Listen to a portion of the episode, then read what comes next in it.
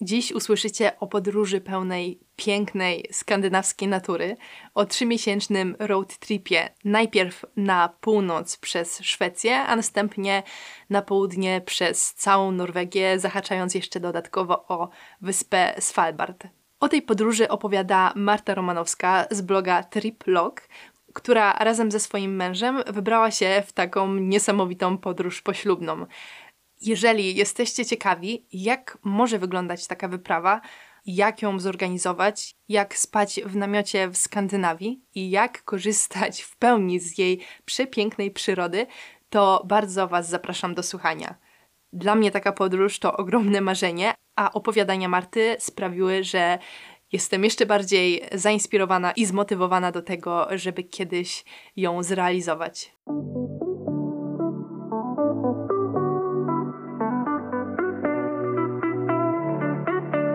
Cześć, z tej strony Julia, a to jest podcast Świat Burzy, w którym poruszam tematy związane z naturą, podróżami i rozwojem.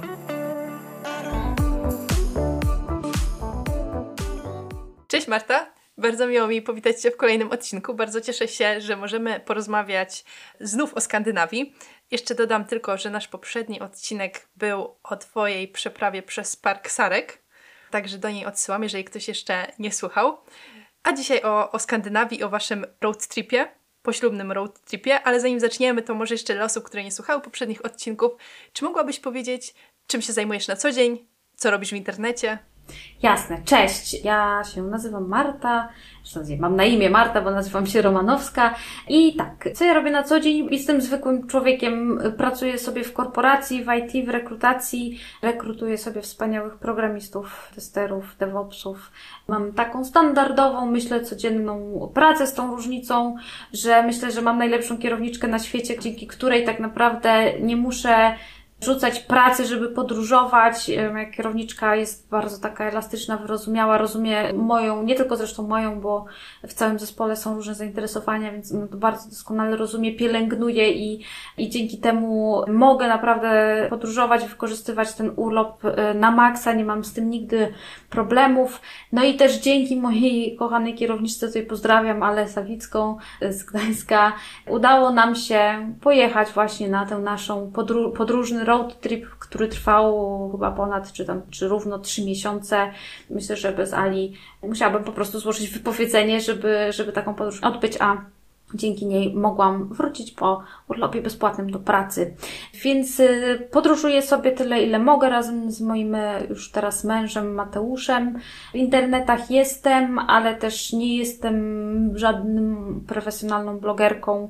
Staram się tworzyć jakiś taki krótszy content może na Instagrama, a na blogu takim tradycyjnym wrzucam już takie dłuższe opisy tego, co uważam, że, że warto jest, żeby opisać. Staram się, żeby były to też takie praktyczne wskazówki. I w sumie to tyle ode mnie. Zwykły człowiek. Sporo na swoim blogu masz o tej wyprawie właśnie do Skandynawii, też masz trochę o Svalbardzie, więc jeżeli ktoś interesuje się Skandynawią, a to o czym tutaj będziemy mówić nie będzie dla niego wystarczające, to tam zapraszamy. Zapraszamy bardzo. Czy mogłabyś powiedzieć, jak mniej więcej wyglądała Wasza trasa? Tak. Trasa była troszeczkę też uwarunkowana COVID-em, bo kiedy zaczynaliśmy mm, planować tę naszą podróż, Norwegia nie wpuszczała jeszcze turystów, a ja w ogóle byłam zawsze zakochana w Norwegii i dla mnie w ogóle istniała tylko Norwegia. Nie widziałam, w ogóle Szwecja i Finlandia nie istniały. Finlandia do tej pory w sumie dla mnie nie bardzo istnieje, ale pewnie się jeszcze kiedyś do niej przekonam. Natomiast akurat wtedy, jak planowaliśmy drogę, Szwecja była otwarta, więc musieliśmy się z naszej kochanej Norwegii przerzucić na Szwecję. I tak, jeżeli dobrze pamiętam, wsiadaliśmy w Świnoujściu na prom, jechaliśmy samochodem, zapakowaliśmy nasz samochód, kupiliśmy bagażnik na dach, zapakowaliśmy samochód na trzy miesiące, włącznie z większością jedzenia, ubraniami, namiotem. Mateusz jest kitesurferem, więc również latawce, deski i co jeszcze? No i pianki, takie tam różne inne rzeczy. To chyba duży samochód macie. No wiesz co, nie wiem, nie znam się zupełnie na samochodach. No jest duży, na pewno nie jest to jakaś tam mała osobówka, ale taki z tych standardowych, większych po prostu samochodów, no prostu ten bagażnik na dach też nam życie ratował. No i też naprawdę byliśmy zapakowani od, od samego dołu po samą górę jedzeniem, ubraniami, torbami. Nie było to łatwe w takim sensie logistycznym na co dzień, bo żeby wyjąć majtki, to musiałam wywalić połowę bagażnika. W każdym razie, wracając do pytania, siadaliśmy na prom w Świnoujściu chyba, jeżeli dobrze pamiętam, lądowaliśmy w Istad, Istad, nie wiem, sorry, nie umiem jeszcze, nie umiem jeszcze żadnego niestety języka skandynawskiego. W każdym razie w mieście komisarza Walandera z moich ulubionych kryminałów i na tym mi najbardziej zależało, bo dla mnie to takie mityczne wręcz książki są. Czytam je od wielu lat. Po prostu kocham Henninga Mankela, który te swoje powieści Wysztat tworzył. W sensie one były, działy się w tym mieście, więc tam chciałam po prostu być. E, no i więc pierwszy dzień sobie tam pochodziliśmy trochę po mieście, a potem powolutku, powolutku kierowaliśmy się w górę, w sensie na północ Szwecji, bo taki był plan, żeby dojechać na samą północ zatrzymując się po drodze w różnych szwedzkich miejscach, które nam po prostu przyjdą do głowy. Też nie mieliśmy nie wiadomo jakiego planu, mieliśmy dosłownie kilka może jakichś punktów wybranych, ale tak naprawdę jechaliśmy i patrzyliśmy, co nam się podoba. Jedyne, co było mocno zaplanowane, to Kungsleden, który zrobiliśmy po drodze, potem Sarek, a po Sarku przerzuciliśmy się do Norwegii, gdzie pojechaliśmy na samą północ na Finnmark, który z kolei kocham sercem całym swoją melancholią dzięki książkom Ilony Wiśniewskiej. I po prostu od kiedy pamiętam, bardzo chciałam na Finnmark pojechać, nigdy mi się to nie udało, bo loty zazwyczaj były dosyć drogie. Nie chciałam tam jechać na dwa dni, tak jak się leci do Oslo, żeby tam sobie wejść na jakąś górkę, tylko chciałam tam spędzić więcej czasu. No i jak się Norwegia otworzyła, tam się udało. Więc jeździliśmy po samej północy Norwegii, a potem jak już zaczął się zbliżać czas, no to zawróciliśmy, przejechaliśmy jeszcze przez Senie, Lofoty i w dół, w dół, w dół, w dół, w dół, w dół, w dół. Potem, jeżeli dobrze pamiętam, Skrony, czyli już znowu ze Szwecji, wsiedliśmy na prom i wylądowaliśmy w Gdyni. I mniej więcej zrobiliśmy sobie taką pętelkę po mapie te trzy miesiące. To jest moja podróż marzeń aktualnie. O, no to nie dziwię się, bo ja bym chętnie jeszcze raz ją powtórzyła i myślę, że wcale niewiele rzeczy bym zmieniła. Tą samą drogą bym mogła pojechać. Także naprawdę zazdroszczę i cieszę się, że możemy o tym porozmawiać. Wspomniałaś, że zapakowaliście do samochodu namiot. W takim razie, w jaki sposób głównie spaliście? Miałam taką nawet statystykę kiedyś przygotowaną i sobie sprawdzałam przed tą naszą rozmową, że pospaliśmy zawsze pod namiotem, poza tam jakimś razem, jak byłam przeziębiona, to sobie wynajęliśmy jakieś mieszkanko na, na weekend. Na Sval... A, zapomniałam, już zahaczyliśmy o Svalbard też, wracając, to myślę, że dosyć ważne. Na Svalbardzie spaliśmy niestety w... Znaczy, niestety, niestety w pensjonacie, ponieważ tamtejszy camping był wtedy jeszcze zamknięty. A poza tym spaliśmy cały czas pod namiotem i spaliśmy, tak ja wiem, Myślę, że pół na pół. Pół na pół na dziko i pół na kampingach. Staraliśmy się jak najdłużej spać na dziko, na tym nam zawsze zależało najbardziej. Pomijam już kwestie finansowe, które są oczywiście istotne. Jak się podróżuje trzy miesiące, to wcale nie chcesz wydawać cały czas pieniędzy na nocleg. No ale też po to jechaliśmy do Skandynawii, żeby spać na dziko. To jest tam dozwolone, można, jest legalne, jest super wspaniale, łatwo, pięknie i przyjemnie. Na tym nam najbardziej zależało. Na kampingu lądowaliśmy często jak była brzydsza pogoda, albo jak już trzeba było się wykąpać porządnie, albo zrobić pranie na przykład, no to wtedy zatrzymywaliśmy się na różnych kampingach. Czy nie brakowało Ci czasami, można powiedzieć, cywilizacji? O nie. W ogóle, ja w ogóle jakkolwiek to teraz mało atrakcyjnie dla słuchaczy zabrzmi. Ja nie lubię ludzi, jestem typową introwertyczką. Pewnie może tego nie słychać, zawsze wszyscy się dziwią, że jestem introwertyczką, a gadam jak nakręcona, ale taka jest prawda. Ja y, lubię pojedyncze istoty, ale jakoś tak ludzkość w grupie, w masie do mnie nie przemawia, więc bardzo zdecydowanie mi nie brakowało tej cywilizacji i też po tej podróży nauczyłam się w końcu akceptować to, bo zawsze mi się wydawało, że jest coś nie tak ze mną, że ja tak tych ludzi nie lubię, stronie od nich się nauczyłam to akceptować, bo zrozumiałam, że po prostu nie, nie muszę lubić ludzi, żeby być szczęśliwą w życiu, że jakby te takie miejsca odludne są dla mnie idealne i tej cywilizacji nie brakowało mi w ogóle. Co więcej, nauczyła mnie też ta podróż takiego minimalizmu. Zawsze, może nie zawsze, ale od jakiegoś czasu tak trochę martwiłam się taką ilością rzeczy, która wokół mnie narasta, w sensie takich fizycznych rzeczy, nie? Wiesz, w kuchni masz 48 garnków, 15 blenderów, jakieś urządzenia do, nie wiem, wyciskania cytryny, jakby się ręką tej cytryny nie mogła wycisnąć. A taka podróż ogranicza ci te rzeczy naprawdę do minimum. I teraz, jak przeprowadzaliśmy się do nowego mieszkania, to też z sobą tą zasadę minimalizmu zabraliśmy, więc takie odcięcie od cywilizacji, posługiwanie się tam jedną patelnią przez trzy miesiące i tam jednym kubkiem naprawdę da radę i jest dużo łatwiejsze, przyjemniejsze. Tych rzeczy jest naokoło ciebie mniej, mniej pieniędzy wydajesz, mniej zanieczyszczasz środowisko, wszystkiego jest mniej. To jest super i zdecydowanie cywilizacji mnie brakowało. Mhm. Ja tak Ciebie słucham, Marta, i myślę sobie, że muszę Cię jeszcze zaprosić do tego podcastu, bo to wszystko, co mówisz, bardzo we mnie rezonuje. Nawet nagrałam właśnie odcinek niedawno o introwertyzmie i podróżowaniu jako introwertyk, bo to jest też coś, co sama odkryłam w sobie, mimo że też być może na pierwszy rzut oka nie widać tego, ale no tak. rzeczywiście, kiedy jestem wśród ludzi, to się zaczynam męczyć. I, I tam nawet w tym odcinku miałam taką teorię, że introwertycy ciągną bardziej na północ, co jest tylko moją prywatną teorią. I tak samo właśnie też bardzo lubię minimalizm i wręcz jak tych rzeczy jest za dużo, ja mam taki lęk przed tym, jak tych rzeczy jest za dużo. Mhm. Więc doskonale Cię rozumiem i też bardzo mi się podoba w podróżowaniu to, że mam rzeczywiście takie minimum, które biorę ze sobą. Zwłaszcza jak się gdzieś tam, tak jak po parku Sarek, o którym mówiłaś, trzeba to wszystko nosić na plecach, to tak. wtedy już rzeczywiście trzy pary majtek, trzy pary skarpetek i więcej nie potrzeba. Zmienia się perspektywa, nie tego, co jest potrzebne, a co, co, co możesz sobie darować. Totalnie. E, czy jest coś, czym Szwecja Cię zaskoczyła? Oj, tak. To znaczy, tak jak wspomniałam, ja zawsze byłam za Norwegią. Team Norwegia, po prostu nie było. Ja mogłam na każdy urlop jeździć do Norwegii, e, no bo fiordy, bo góry, bo właśnie natura, bo ale Mansraten, czyli to prawo do spania w dziczy i w ogóle korzystania z natury.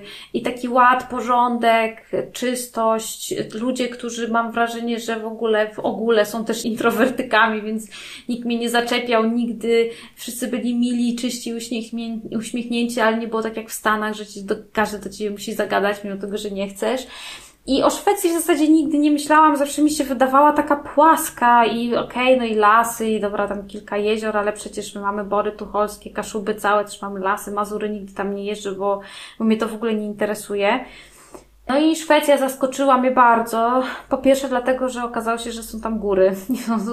Są to cudowne góry, są to dzikie góry. Fakt, że na samej prawie północy, więc trochę tam się trzeba namęczyć żeby dotrzeć, ale naprawdę polecam, bo są to góry częściowo dzikie, na przykład tak jak Sarek, cały Park Narodowy Sarek, na którym nie ma szlaków w ogóle, więc można sobie przejść cały Park Narodowy swoją własną ścieżką wybraną tylko przez siebie, jest się w górach. Jest też Kungsleden, czyli jeden z takich chyba największych szlaków e, w Szwecji, też górskich, pięknych, wspaniale utrzymanych. Tam z kolei, żeby się zgubić, to już trzeba mieć naprawdę talent. Są schroniska, z których są nawet sauny, jedzonko co 10-15 kilometrów, sporo ludzi, ale też nie aż tak dużo. Są też pomniejsze parki, teraz kurczę, nie przypomnę sobie ich nazw, bo są dosyć skomplikowane. Mam to wrzucone, jeżeli dobrze pamiętam, na bloga.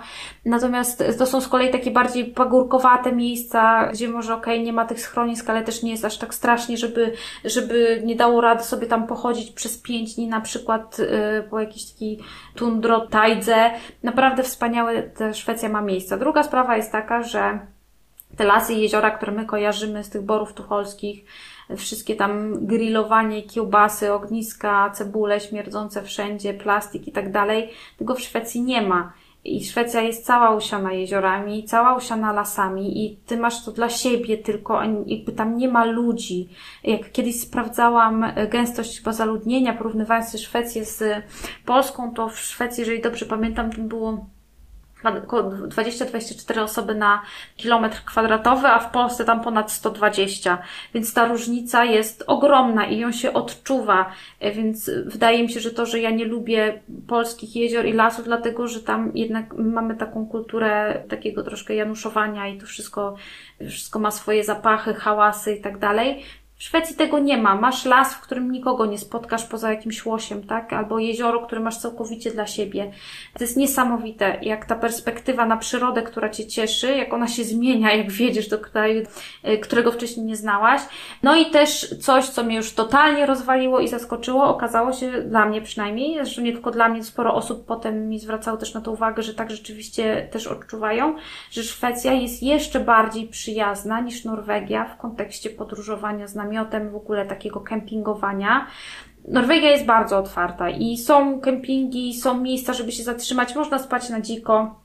Natomiast, żeby znaleźć sobie jakieś takie miejsce i zaparkować na przykład samochód obok legalnie, wcale nie jest tak łatwo. Nie ma dramatów, to nie jest tak jak w Polsce, ale trzeba czasem się coś tam poszukać. Natomiast w Szwecji co 5 kilometrów jest jakiś piękny parking ze stolikiem, z jakąś budką i to nie jest kemping, za który trzeba płacić, tylko po prostu ktoś w jakiejś komunie, gminie pomyślał, że warto o to zadbać. Zresztą chyba nawet u Ciebie w podcaście któraś z dziewczyn opowiadała o tym, że dla tych lokalnych społeczności utrzymywanie takiego kontaktu z naturą jest bardzo ważne. Alicja z Osiologii, tak. Tak, tak. I że jakby te, te miejsca powstają po prostu oddolnie i one są utrzymywane. Często zresztą tam można znaleźć taką tabliczkę, nie? Że to mieszkańcy zbudowali tą budkę, weź o nią zadbaj, nie zostaw po sobie tam śmieci. To jest wspaniałe i jest dużo łatwiej łatwiejsze i też, co może głupio zabrzmi, ale jak się jedzie samochodem i się śpi na dziko, to fajnie czasem sobie zrobić siku w toalecie, a nie w lesie za każdym razem. Fajnie czasem umyć zęby pod bieżącą wodą. I w Szwecji takich miejsc, takich postojów jest pełno i nikt cię nie ocenia, bo tam pełno ludzi z tego korzysta. W Norwegii zazwyczaj trzeba wjechać do jakiegoś supermarketu, żeby znaleźć taką toaletę, wtedy idziesz ze szczoteczką do zębu i myjesz zęby w supermarkecie, nie? Więc jakby ta Szwecja jest taka niespieszna, spokojna, wychillowana, bardzo dzika, ale jednocześnie jest taka, moim zdaniem, w moim odczuciu, przyjaźniejsza dla osób podróżujących niż Norwegia i nigdy nie myślałam, że coś takiego powiem w życiu, ale tak to czuję teraz. Mhm. To było też coś, co mnie bardzo zaskoczyło na Twoim blogu, że właśnie ta Szwecja jest lepiej przygotowana pod względem infrastruktury niż Norwegia taka empatyczna się wydaje, wiesz, jakby rozumiała, że, że okej, okay, to może nie potrzebujesz pięknego kempingu, ale weź chociaż sobie tutaj siku zrób, nie? Na legalu. Zaparkuj ten samochód, nie martwiąc się o to, że, że parkujesz nie w tym miejscu, w którym powinieneś. Bardzo taka jest przyjazna.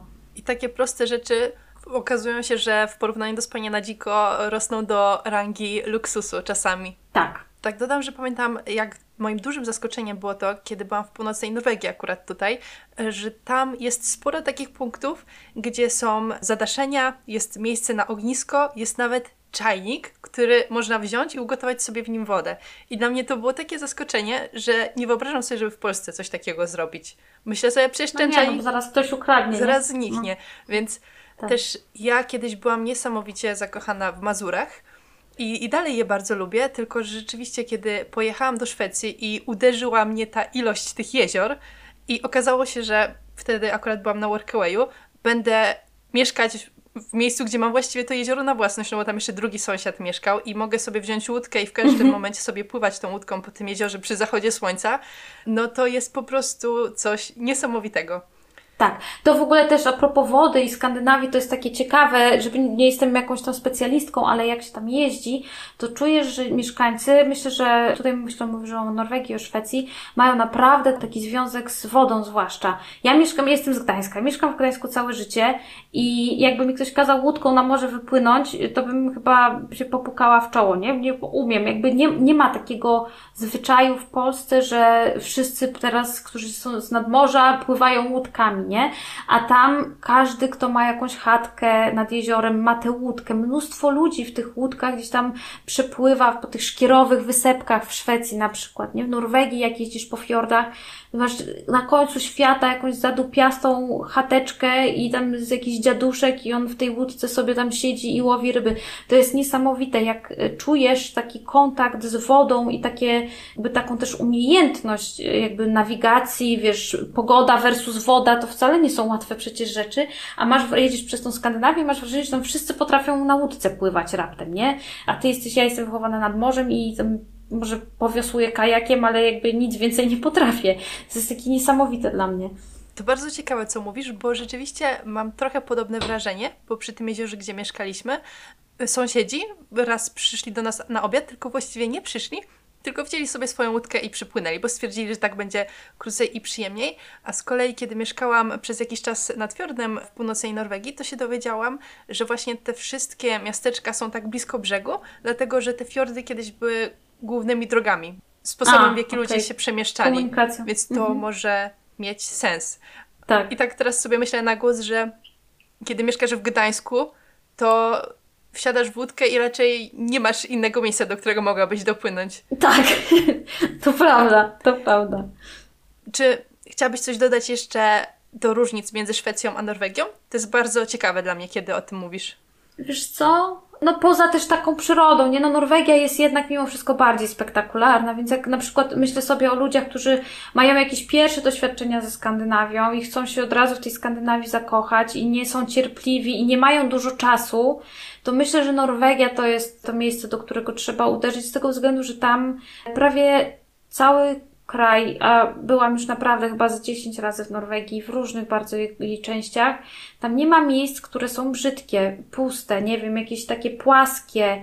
Tam po prostu nie ma takich miejsc. No okej, może okolice Oslo są takie troszeczkę powiedzmy mniej interesujące, ale wystarczy, że wsiądziesz w pociąg go- godzinę dalej masz jakieś piękne góry, więc Norwegia jest spektakularna, jest zachwycająca i uważam, że jest tak naszpikowana atrakcjami, jeżeli chodzi o przyrodę, że jak masz na przykład tylko weekend, to jedziesz do Norwegii. Natomiast myślę sobie też, że jak masz trzy miesiące, tak jak ja miałam, to na pewno zachęcam do podróżowania przez Szwecję, bo ona daje taki spokój. Norwegia jest taka, że po prostu jedziesz tu, tu, tu, tu, tu, cały czas cię wali po prostu po oczach.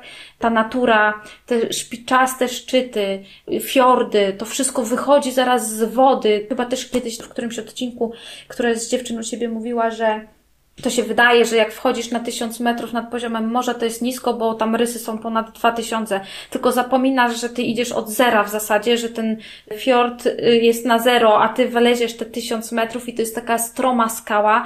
To jest zupełnie inna perspektywa. Norwegia jest po prostu taka bardzo, nie wiem czy mogę użyć tego słowa, najwyżej mnie wytniesz, oczojebna, bardzo taka spektakularna, a Szwecja jest taka właśnie jak masz czas, to sobie pojedź, sobie zobacz, sobie spędź ten czas, posiedź, pochilluj. Fajne porównanie. Ja jeszcze nie mam aż tak dużego doświadczenia, ale tym wszystkim, co mówisz, bardzo mi zachęciłaś do tego. Ja mam takie marzenie, żeby zrobić sobie road tripa po Norwegii, a bardzo mnie zachęciłaś do tego, żeby być może właśnie zacząć od Szwecji. Polecam. Na pewno inna perspektywa. Jak masz czas. Jeżeli już mnie stać będzie na taką ilość benzyny. No tak, znaczy wiesz, my raczej nie podróżujemy stopem, bo jesteśmy, mamy zawsze ze sobą te sprzęty Mateusza, te kajty i tak dalej. Natomiast mamy znajomych, którzy jeździli po Skandynawii stopem i też nie mieli z tym żadnych problemów. Wiadomo, no jest to w pewien sposób trochę trudniejsza jednak przygoda, musisz mieć trochę więcej czasu i dużo pewnie więcej cierpliwości, ale pamiętać warto, że Skandynawia jest bardzo bezpieczna, więc myślę sobie, że jakby podróżować stopem, to chyba Skandynawia jest najlepszym miejscem, najlepszym miejscem na to, bo rzeczywiście koszty podróży po Skandynawii są mm, wysokie. Słyszałam też, że tam całkiem nieźle funkcjonuje ten stop. Tak, też właśnie też znajomi nam opowiadali, że nie trzeba jakoś się tam namęczyć, żeby, żeby stopa złapać. Super. Proponuję, żebyśmy przeszły sobie tak po różnych miejscach, które odwiedziłaś. Mam tutaj tak wypisane w kolejności, ale nie wiem, czy to tak było. E, Kung, Kungsleden. Kungsleden. Czy on był taki pierwszy? Jeżeli chodzi o długi trekking, to taki na dłuższy, bo to nam chyba 6 czy 5 dni zajęło, to tak to, to zrobiliśmy sobie jako taką dłuższą rozgrzewkę przed Sarkiem. Kungsleden to się chyba rozwija y, szlak królewski. To jest w ogóle bardzo długi szlak, tam jest kilka jego odsłon. My wybraliśmy taką niby, zgodnie z internetem, najbardziej spektakularną, jeżeli chodzi o widoki, ale można sobie skończyć wcześniej, można jeszcze i 10 dni dłużej chodzić, w ogóle można sobie tam odbijać od tego szlaku. Kungsleden jest super, bo jest moim zdaniem mega spektakularny, również taki przestrzenny.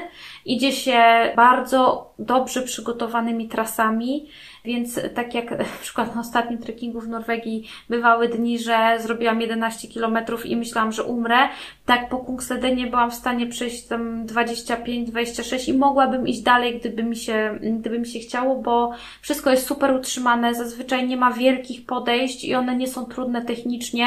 Zdarzył się jakiś tam jeden kamienisty dzień, a poza tym idziesz po super przygotowanej ścieżce.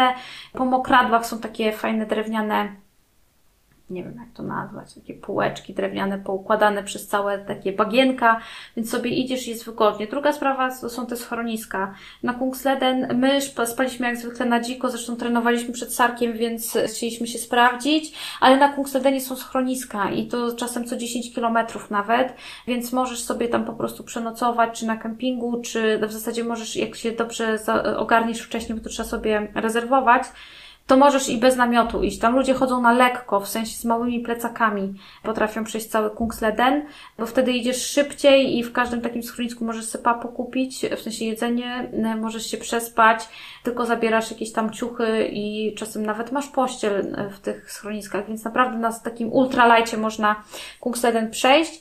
No do tego jest bardzo bezpieczny, tam jest sporo ludzi, ale to też sporo w Skandynawii nie znaczy tak jak w Zakopanem czy w innych naszych polskich górach, jakichś Bieszczadach, to, to nie są te klimaty, więc jest bezpiecznie, jak się coś stanie, to na pewno zawsze ktoś Ci pomoże i też jest blisko do schroniska, miejsca, który, w którym ktoś Ci może udzielić pomocy. Także Kungsleden jest super, zwłaszcza wydaje mi się, że jak ktoś zaczyna przygodę z trekkingiem, chce sobie zrobić pierwszy taki dłuższy trekking w życiu, a nie robił tego wcześniej i chce się przygotować, no to to jest naprawdę fajne miejsce. Ja nawet sobie myślałam, żeby wrócić na Kungsleden kiedyś e, solo, e, bo wydaje mi się, że spokojnie sobie poradzę, mimo tego, że totalnie nie mam zerową orientację w terenie, e, jestem kucherkiem, słabym psychicznie w dodatku, ale Kungsleden jest naprawdę mega fajny. Myślę, że spokojnie sobie tam, zresztą dużo dziewczyn solo tam chodziło, widziałam, spotykałyśmy bardzo dużo takich pojedynczych dziewczyn, które sobie tam świetnie dawały radę. A pytanie takie praktyczne bardzo.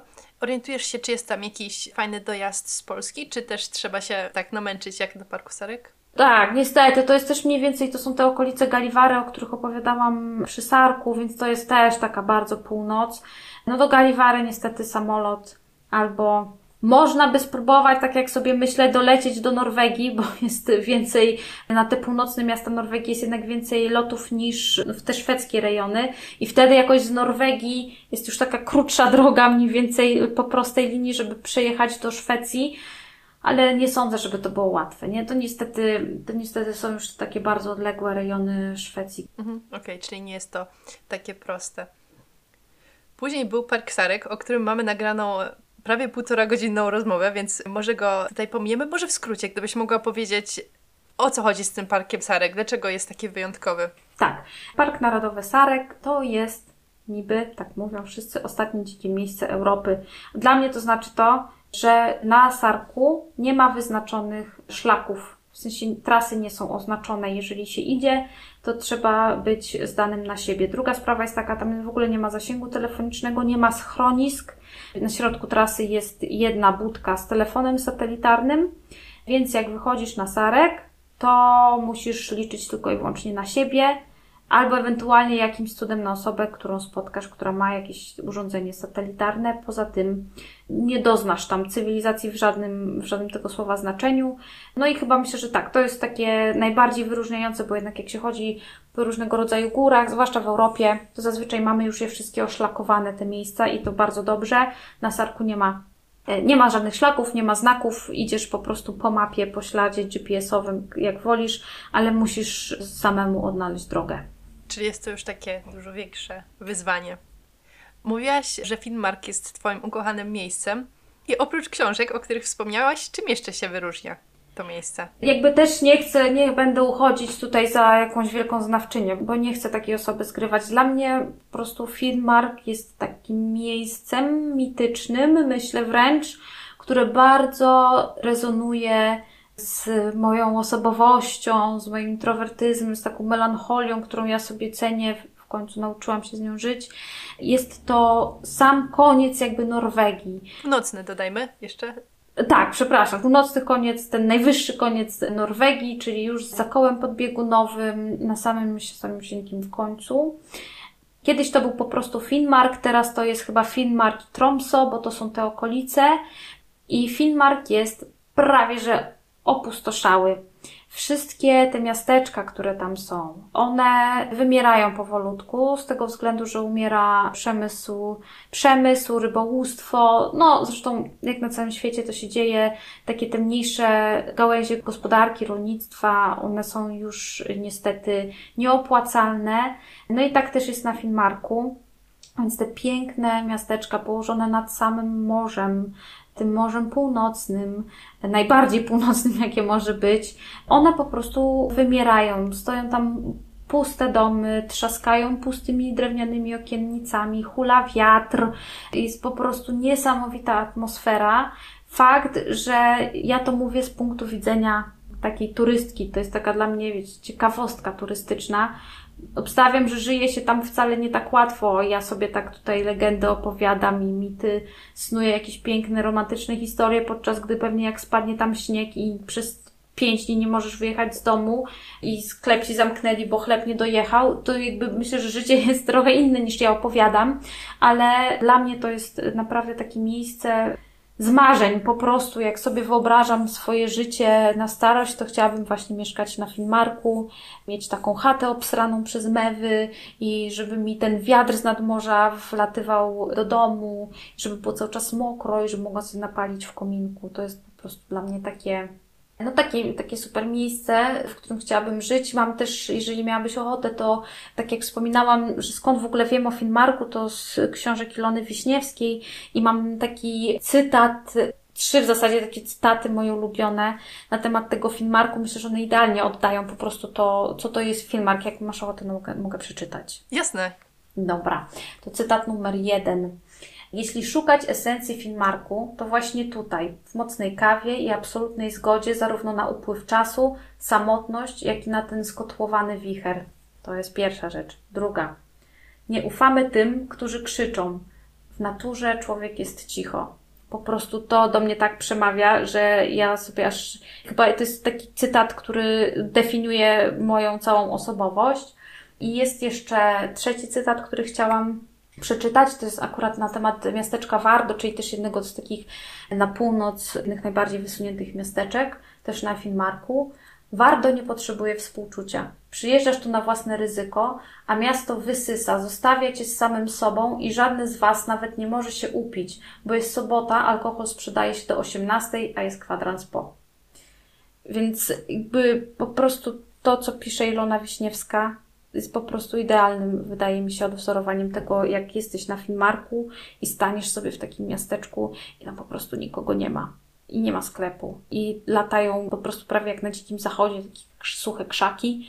To tam jakieś tam suche kości mewy się przesuwają po jakimś asfalcie. No, niesamowite miejsce już tak czuję, e, o co Ci chodziło, kiedy mówiłaś, że jest to takie mistyczne miejsce. Jak ktoś ma jakąś taką wrażliwość, bardziej taką melancholijną, to myślę, że może sobie tam tak stać i się tak patrzeć i się tak rozmyślać nad swoim życiem. Albo nawet nie myśleć o niczym i po prostu aż łzy, jak sobie o tym myślę, wszyscy już mi łzy napływają do oczu, tak tęsknię za tym miejscem. Hmm, bardzo ciekawe, bardzo ciekawe miejsce. Narobiłaś mi ochoty, żeby je odwiedzić teraz. to, to fajnie, to dobrze, to się cieszę. Powiedziałaś też, że odwiedziliście Svalbard. Czy mogłabyś powiedzieć w kilku słowach, czym jest Svalbard? Bo wydaje mi się, że może dla osób, które się interesują Skandynawią, to jest oczywiste, ale nie dla każdego. Mhm, jasne. No Svalbard to jest taka wyspa, którą można pomylić z Grenlandią, bo czasem ludziom się wydaje, że to jest Grenlandia. To jest taka wyspa, która w zasadzie ma, jeżeli dobrze pamiętam, najbardziej na północ wysunięte miasta. To jest część Norwegii, w sensie to jest wyspa norweska która generalnie jest już taką typową Arktyką. To znaczy, tam są misie polarne, tam są wieloryby, tam są dzikie renifery. O właśnie, tam są dzikie renifery. W Szwecji dzikich reniferów nie ma, na Svalbardzie są, chociaż żyją też między ludźmi. Tam jest dosłownie kilka osad ludzkich, które powstawały głównie tam w kontekście kopalni węgla, które się tam tworzyły, no i wiadomo, był przemysł, więc ludzie zaczęli napływać. Svalbard jest teraz już raczej raczej nie zamieszkują go tacy typowi traperzy, co tam przyjeżdżali na zimę i siedzieli całą zimę w jakiejś chacie i polowali na foki. Chociaż ponoć kilku jeszcze jest, takich żywych, prawdziwych, już takich hardkorowych traperów.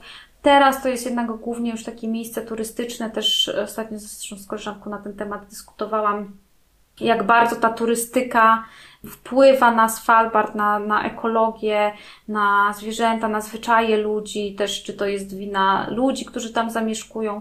Te kopalnie się zamykają, więc te główne miasta, na przykład Longyearbyen, to jest takie miasto, które, mm, tak powiedzmy stolica Svalbardu, no ono prędzej czy później będzie się musiało na coś zdecydować, bo teraz tam została chyba jedna czy dwie kopalnie, a cała reszta to są hotele, pensjonaty, wycieczki, firmy takie organizujące różnego rodzaju wyjazdy, więc Svalbard kiedyś był bardzo taki dziki, arktyczny. Teraz to jest taka Arktyka bliska, taka jeszcze do osiągnięcia, choć bardzo droga, ale dla takiego zwykłego człowieka jak ja jeszcze jest do osiągnięcia, nie? To nie jest jakaś tam wyprawa na biegun za tam 2 miliony euro, tylko tam za jakieś tam dosyć duże, ale w miarę rozsądne pieniądze możesz naprawdę dotknąć Arktyki. No i to było moje największe marzenie. Ja chyba nie miałam większego marzenia w życiu niż pojechać na Svalbard. I wcześniej przed COVID-em planowaliśmy taką podróż ze znajomymi. Wspominałam w tym nagraniu o Sarku o Tomku Kuczyńskim. Tomek y, miał pojechać z nami, żebyśmy mogli razem przejść taki trekking przez Svalbard bez właśnie agencji turystycznej. Tomek dlatego, że no, na Svalbardzie są niedźwiedzie polarne, więc żeby iść poza granice miasta, Trzeba mieć pozwolenie na broń, trzeba umieć strzelać w razie czego. Nie zabija się tych niedźwiedzi, nie o to chodzi, ale po prostu nie, nie można sobie tak pajacować, że sobie wyjdziesz z miasta bez tych kompetencji, bo możesz po prostu umrzeć. Tym bardziej, jeżeli idziesz na trekking. Więc Tomek jest takim, możecie go gdzieś tam w internecie złapać, jest, y, mam wrażenie, że jakimś dzikim komandosem, rambosem po prostu takim, który, którego gdzieś tam wyłapaliśmy w internecie, zgadaliśmy się i Tomek miał z nami jechać na Svalbard, żeby przeprowadzić nas po prostu jak takie dzieci przez ten kilkudniowy trekking. I wszystko było super, wszystko już było dograne, bilety kupione i przyszedł COVID i nie pojechaliśmy. Więc bardzo było nam przykro, zwłaszcza mi. I kiedy zdarzyła nam się ta podróż poślubna i byliśmy już tak blisko i mieliśmy odłożone pieniądze na tą podróż, to wierciłam Mateuszowi dziurę w brzuchu, żeby chociaż na tydzień na ten Svalbard polecieć. No i się udało, więc spełniłam też tym samym swoje największe marzenie, ale tutaj też mogę dodać od siebie takie przemyślenie, zwłaszcza po powrocie, że jednak to nie było to, o czym ja marzyłam. To znaczy Svalbard jest super, Longyearbyen jest super i wszystkie wycieczki, na których byliśmy są super, natomiast ja chciałam wyjść poza granice miasta, chciałam iść na trekking, chciałam siedzieć w dziczy, w namiocie, chciałam robić sobie zmiany w nocy, bo nie może być tak na Svalbardzie, że wszyscy śpią, ktoś zawsze musi pilnować. Chciałam przejść kawałek tej Arktyki po prostu z plecakiem i z Tomkiem najlepiej, który umie w razie czego bronić życia ludzkiego. A tak to było super, ale to było wszystko zorganizowane wycieczki, więc nas odbierali, odwozili. No widzieliśmy wieloryby, zrobiliśmy sporo fajnych trekkingów, hikingów raczej, ale to nie, to nie była ta dzicz, o której ja marzyłam, nie? Więc jeżeli będę miała drugi raz jechać na Svalbard, to na pewno muszę się nauczyć strzelać, muszę mieć pozwolenie na broń, zaświadczenie o niekaralności, zaświadczenie o tym, że mam doświadczenie w używaniu broni, i wtedy taką broń można y, na Svalbardzie wypożyczyć i już robić trochę więcej niż to, co my mogliśmy zrobić bezpiecznie. Mhm.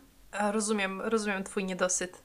Kiedy byłaś wożona, a to nie o to Ci chodziło. No, to taki trochę nie mój typ e, turystyki, ale no oczywiście mimo wszystko to są niesamowite wspomnienia, nie? No bo to jest zupełnie inny świat, jakieś inne powietrze, w ogóle inne kolory, wszystko jest inne. Ludzie są wspaniali, bo tam w Longyearbyen to jest mieszanka chyba 44 czy iluś narodowości, wszyscy mówią po angielsku, wszyscy w jakiś sposób żyją z tej turystyki, więc też są bardzo tacy pomocni, otwarci, co jest też super ciekawe, dla mnie przynajmniej, że w tych agencjach turystycznych pracują przewodnicy. I ty nie możesz sobie przyjść tak znikąd i zostać takim przewodnikiem.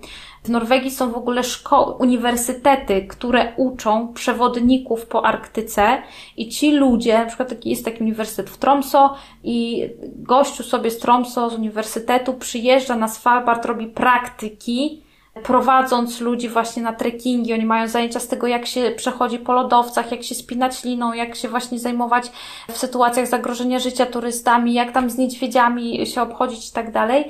normalnie w Norwegii są takie studia i ty trafiasz na takiego przewodnika i to nie jest taki przewodnik y, po muzeum, tylko on po prostu wie wszystko o Arktyce. Ty się go zapytasz, co ten niedźwiedź jadł wczoraj na obiad i on będzie to wiedział po prostu. To jest niesamowite. Ja po prostu nie mogłam się odkleić, czułam się jak taki trochę wieśniak, bo się tak czepiałam tych ludzi, po prostu zadawałam 150 pytań, to wszystko było takie ciekawe i oni to wszystko wiedzieli. Niesamowite, naprawdę. Takie zupełnie inne doświadczenia, bo jak się mówi przewodnik, to masz takie wrażenie, że ktoś się tam przeciągnie cię przez muzeum i nara, a ci ludzie naprawdę wiedzą wszystko o miejscu, w którym są i takie ciekawostki opowiadają, że te wycieczki były super drogie, ale ja po prostu nie żałowałam żadnej złotówki, którą wydałam na te wyjazdy tam. Super, że są tacy przewodnicy. Chociaż jak tak sobie myślę, to rzeczywiście tacy ludzie w takich warunkach są rzeczywiście e, bardzo potrzebni. Tak. I w Longyearbyen morsowałaś. Morsowałam w Longyearbyen, ale to było lato, więc też nie róbmy z tego nie wiadomo czego. My w ogóle staramy się zimą morsować. Jesteśmy z Gdańska, już o tym mówiłam, więc mamy dosyć dużą łatwość. Morsowałam w Longyearbyen. Czy to było jakieś katarzis dla mnie? Nie powiedziałabym, bo ta woda w tym fiordzie, bo też tam jest fiord, ona jest błotnista. To znaczy ona jest bardzo czysta, można ją pić i w ogóle tam jakby to nie jest brudna woda w sensie skażenia, ale ona ma jakieś takie błotko w sobie i ona ma kolor takiego błota, więc mimo tego, że jesteś w tym Longyearbyen i spełniasz swoje marzenia, to ta woda nie jest przeźroczysta, tak jak Ci się wydaje, że ona powinna być na Arktyce, takiego niebieskiego koloru jak lodowiec. Ona jest koloru brązowego błotka i jest super, ale ona też, Jezus, teraz nie pamiętam jak się nazywa ten prąd. Svalbard jest oblewany przez przez jakiś tam konkretny prąd, który powoduje, że tam ta woda wcale nie jest aż taka super zimna, więc to nie był jakiś szok. No i wiadomo, to było lato, więc po prostu sobie pomorsowaliśmy tak, żeby taki symbol odhaczyć na, na checkliście morsowanie na Svalbardzie. Udało się, wypiliśmy tam malutkie piwko browaru svalbardzkiego i poszliśmy pod prysznic. Po tym, jak miałam okazję morsować w Norwegii, mhm. we fiordzie z tymi widokami wszystkimi, to byłam ciekawa, ale nie wiedziałam o tym ciepłym prądzie, który płynie niedaleko z Svalbardu. Mhm. To może przejdźmy do Lofotów. Tak. I co o nich sądzisz? Ja tam jeszcze nie byłam i mm, słyszałam takie głosy, że na przykład latem jest tam już, zaczyna być tam bardzo dużo turystów. Zgadzam się z tym, wiesz, no i to już, tak jak na przykład mówiłam, że na Kungsleden jest sporo ludzi, ale bez przesady, to na Lofotach latem jest mnóstwo ludzi i to już jest przesada. My byliśmy drugi raz e, już na Lofotach, więc nie mieliśmy jakiejś tam wielkiej spiny, żeby zobaczyć wszystko, bo już część rzeczy widzieliśmy, ale coś, czego ja się totalnie nie spodziewałam, to bywały momenty, że my mieliśmy problem, żeby zaparkować na jakiejś plaży, na parkingu, bo po prostu nie było miejsca, bo było tyle kamperów, samochodów, turystów. No i koniec końców znaleźliśmy sobie świetny kemping nad samym e, morzem. I jeszcze udało nam się po prostu y, jakby wyjanuszować takie miejsce dosłownie nad samą, nad samą plażą z takim widokiem na morze. Mieliśmy też ze sobą duży namiot, mieliśmy taki namiot trekkingowy i taki duży namiot. Więc my się tam rozbiliśmy tym namiotem, rozłożyliśmy sobie stolik, krzesełka, piliśmy kawkę, jedliśmy bułeczki cynamonowe i cztery dni patrzyliśmy na zachód słońca, a jak nam się zachciało, to ruszyliśmy gdzieś na Lofoty, ale to były naprawdę frustrujące dla nas momenty, bo zazwyczaj nie było gdzie zostawić samochodu, więc wracaliśmy na camping i siedzieliśmy na naszej plaży. Także Lofoty są piękne, są niesamowite, ale latem, jak nie lubicie takiego tłumu, to na pewno nie polecam. Plus też trzeba pamiętać, że Norwegia jest jednak mniej, w sensie Lofoty są dosyć ciasne. Tam jak mówię, że nie ma miejsca na parkingu, to dlatego, że 10 samochodów zaparkowało już.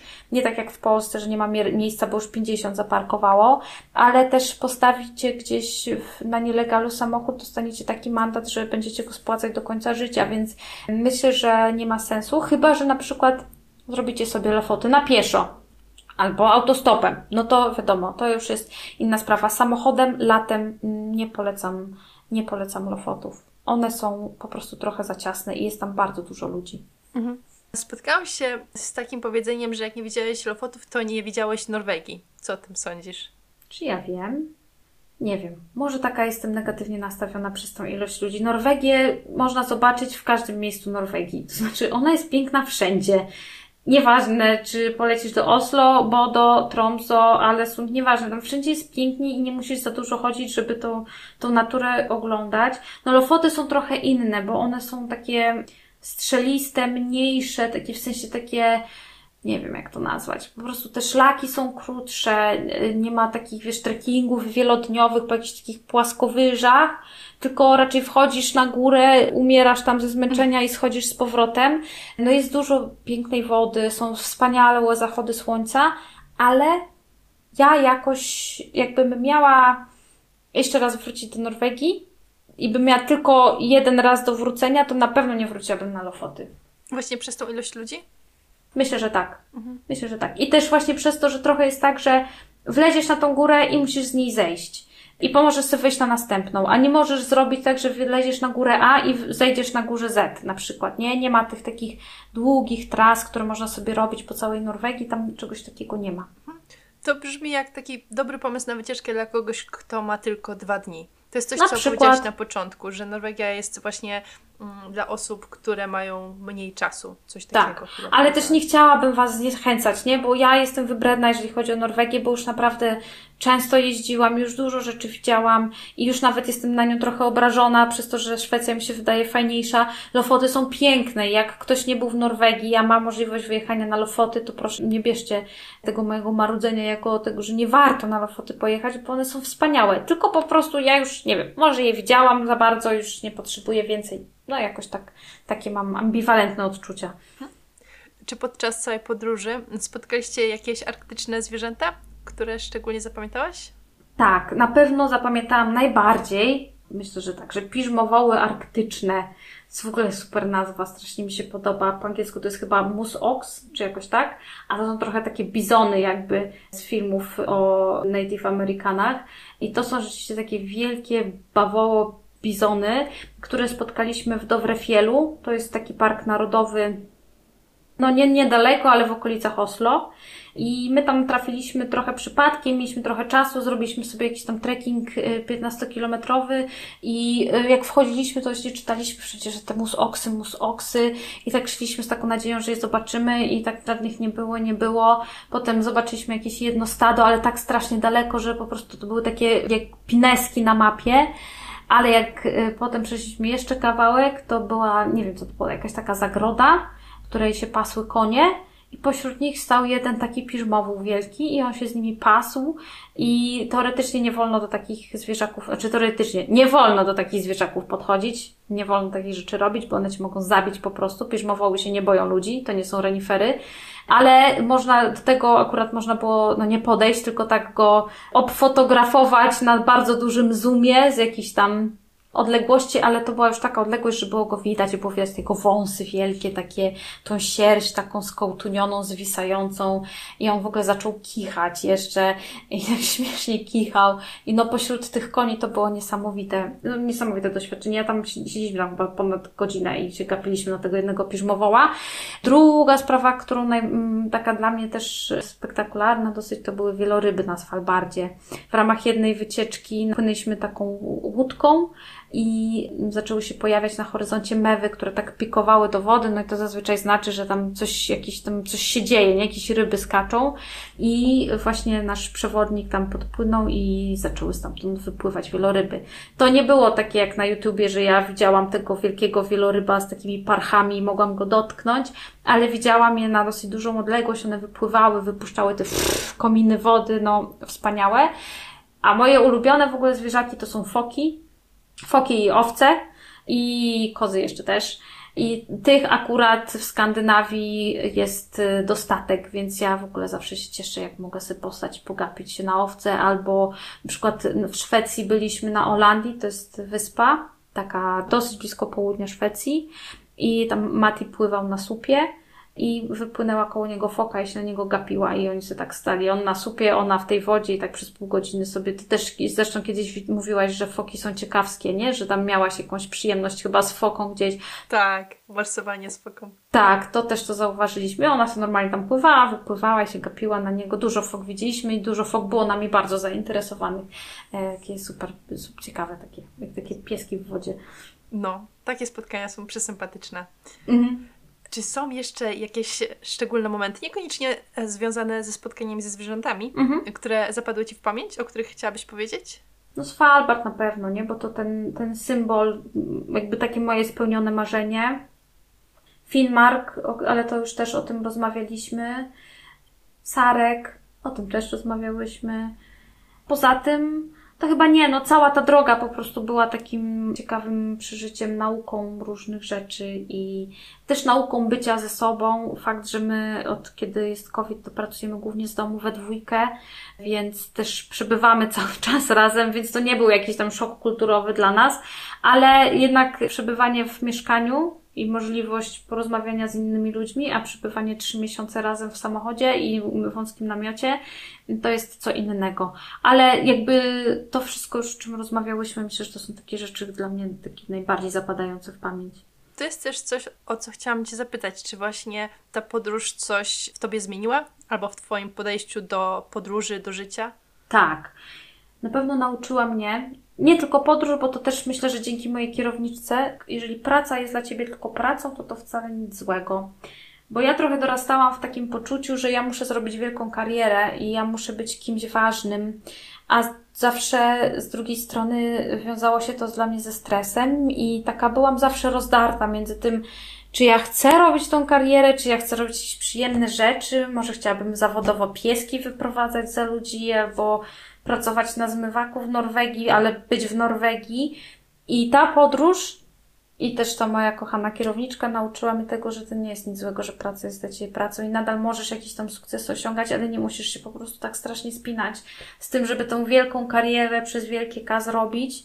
To na pewno to i to mi tak, te miejsca, które zobaczyłam i ten spokój, który ja tam osiągnęłam, on, ja myślę, że on mnie wyciągnął z trochę z takich stanów jakichś przeddepresyjnych nawet możliwe i pokazał mi, że po prostu nie nie ta praca jest dla mnie w życiu najważniejsza jednak mimo wszystko i to na pewno się tego nauczyłam.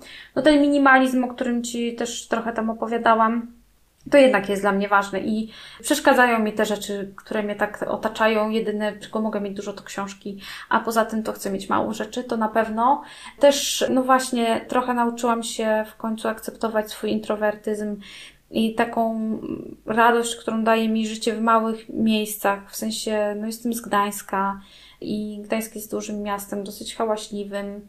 Przeprowadziłam się teraz do Wejherowa w ogóle i teraz sobie tutaj pomieszkuję. A te takie małe miasteczka skandynawskie, gdzie okej, okay, jest sklep i jak będzie ci się coś działo, to ktoś cię zabierze jakąś karetką do szpitala, może który jest 300 kilometrów dalej, ale nadal ale po prostu nie ma tego ruchu, nie ma tego tłoku, hałasu nie ma, nie ma smrodu ludzkiego takiego. Mi pokazało, że to też jest okej, okay, że ja lubię w takich miejscach być i jakby po tej podróży przypriorytetyzowałam, nie wiem, czy jest takie słowo, sobie niektóre rzeczy w swoim życiu i też pozmieniały nam się plany na życie. Dzięki temu wyjazdowi wiemy już, co jest dla nas ważne, co nie jest i, i pod to sobie możemy na spokojnie życie układać, które jest takie zgodne z nami i ze mną też, a chyba najbardziej jednak ułożyło nam ten wyjazd takie standardy, według których chcemy żyć, jak żyć i to, co jest dla nas ważne, mimo tego, że nie wszyscy jakoś to tak popierają, ludzie się czasem dziwią, nie wiem, jak powiedziałam moim rodzicom, jak się przeprowadziliśmy do mniejszego mieszkania, że nie wiem, chcę mieć dwa garnki. To było wielkie zdziwko, że no dobra, jak już chciała trzeci. Mówię, no kurde, trzy miesiące miałam jedną patelnię i jeden garnek mały do gotowania wody i nie umarłam z głodu, więc nie potrzebuję tych garnków, tych blenderów, tych wszystkich rzeczy. Czasem to ludzi dziwi, ale ja się nauczyłam akceptować to też, że ludzie niekoniecznie mnie zawsze muszą rozumieć też jakoś tak przestało mnie to stresować, bo wcześniej e, byłam tym zestresowana bardzo. Ja Ciebie trochę rozumiem, bo jak wyszłam do mojego mieszkania około pół roku temu i zobaczyłam, ile rzeczy jest w kuchni, to jakieś 80% wpakowałam do kartonu, bo stwierdziłam, że i tak tego nie będę używać. Zostawiałam trzy kubki, e, jakąś tam patelnię i tak dalej i jest mi z tym bardzo dobrze. I jak tak Ciebie słucham, to też uświadomiłam sobie, że mój introwertyzm, który też sobie całkiem niedawno tak naprawdę uświadomiłam, też myślę, że dużą zasługę w tym miała Skandynawia i ta cisza, której tam doświadczyłam i ten spokój, bo to jest coś, czego ja nie znałam zupełnie. Mm, zawsze mieszkałam w dużym mieście, w Warszawie, teraz dalej w mieście, bo w Krakowie. I ja tego nie znałam i dopiero kiedy z powrotem wróciłam do tego miasta, to naprawdę bardzo mocno mi to zaczęło przeszkadzać. Do tego stopnia, że czasami jak wychodzę do parku, to się denerwuję, że w tym parku jest tak dużo ludzi, że ja bym tam chciała pobyć sama z naturą, a to jest po prostu niemożliwe. No tak.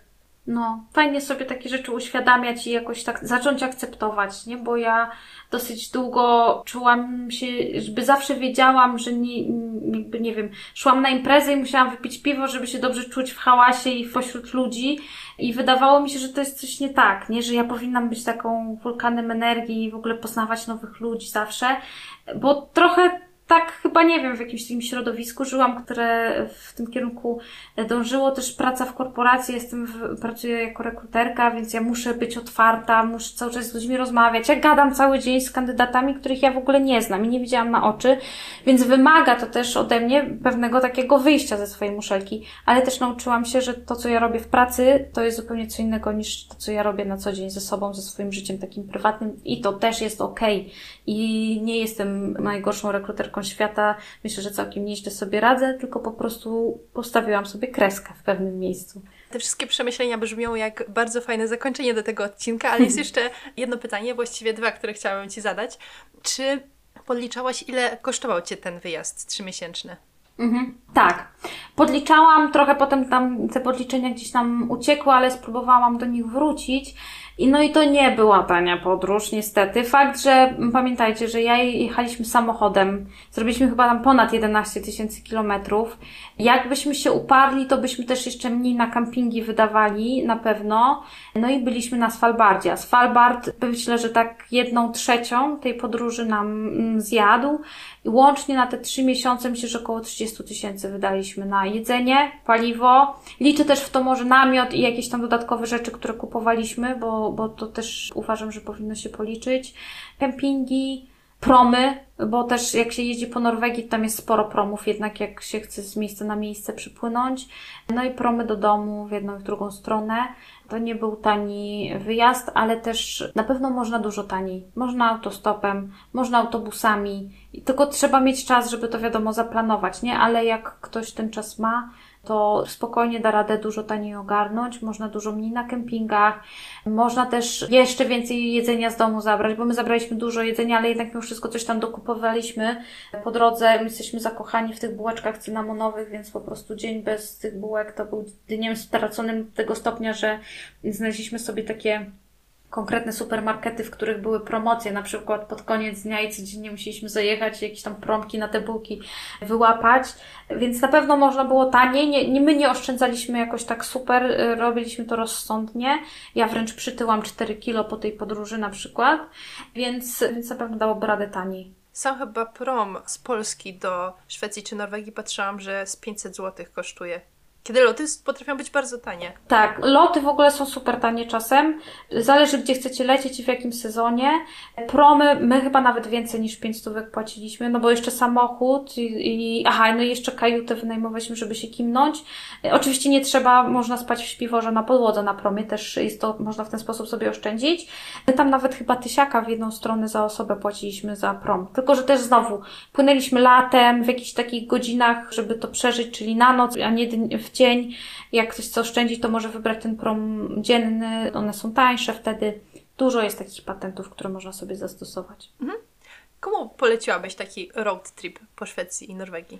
No, na pewno osobom introwertycznym, na pewno osobom, które kochają naturę i uciekają od ludzi i hałasów, to na pewno. Osobom, które lubią spać pod namiotem, bo może nie poleciłabym tego osobom, które pod namiotem spać nie chcą, z tego względu, że wydaje mi się, że to byłoby już takie koszty, że nie wiem, czy ktoś by chciał wydawać takie pieniądze, nie? Na, na wyjazd. A poza tym, no to każdemu, kto kocha Skandynawię, na pewno. Super. Mam nadzieję, że też mi się kiedyś e, uda na taką. Trzymam kciuki. Na pewno Ci się uda. Dzięki. Marta, gdzie można Cię znaleźć w internecie? W internecie można mnie znaleźć głównie w dwóch miejscach, na pewno na Instagramie triplog blog z takim logotypikiem kolorowego samolociku. Tam jestem dosyć często i jakbyście mieli jakieś pytania, to myślę, że tam najłatwiej mnie złapać. Tam też wstawiam różne posty, ale Uważam, że to nie są posty informacyjne, więc jeżeli szukacie informacji, to zapraszam na mojego bloga takiego typowego na WordPressie, na którym znajdziecie trochę więcej treści takich typowo informacyjnych o podróżach, o szlakach, trasach. Zawsze też linkujemy do Wikiloka nasze ślady, więc możecie je followować. I tutaj jest trip-log.com I oczywiście i Instagrama, i blog podlinkujemy w opisie, żeby było Wam łatwiej znaleźć. Ja, tak jak mówiłam we wcześniejszym odcinku, jestem wielką fanką bloga Marty. Bardzo ciekawie się go czyta, także też Wam go bardzo polecam. A i też pamiętam, że parę dni temu robiłaś bardzo ciekawą relację o Twojej ostatniej wyprawie po, nie pamiętam w tym momencie. Rondane, Dowre i Dowre Fiel to są takie trzy parki narodowe, które mnie po prostu pokonały do cna. To jest bardzo źle zaplanowana trasa, więc jak ktoś ma ochotę zobaczyć, jak nie planować trasy trekkingowej, to zapraszam, zapraszam na Instagrama mojego. No, także na Instagrama też polecamy. No dobra, dzięki wielkie Marta za rozmowę i mam nadzieję, że do usłyszenia w przyszłości.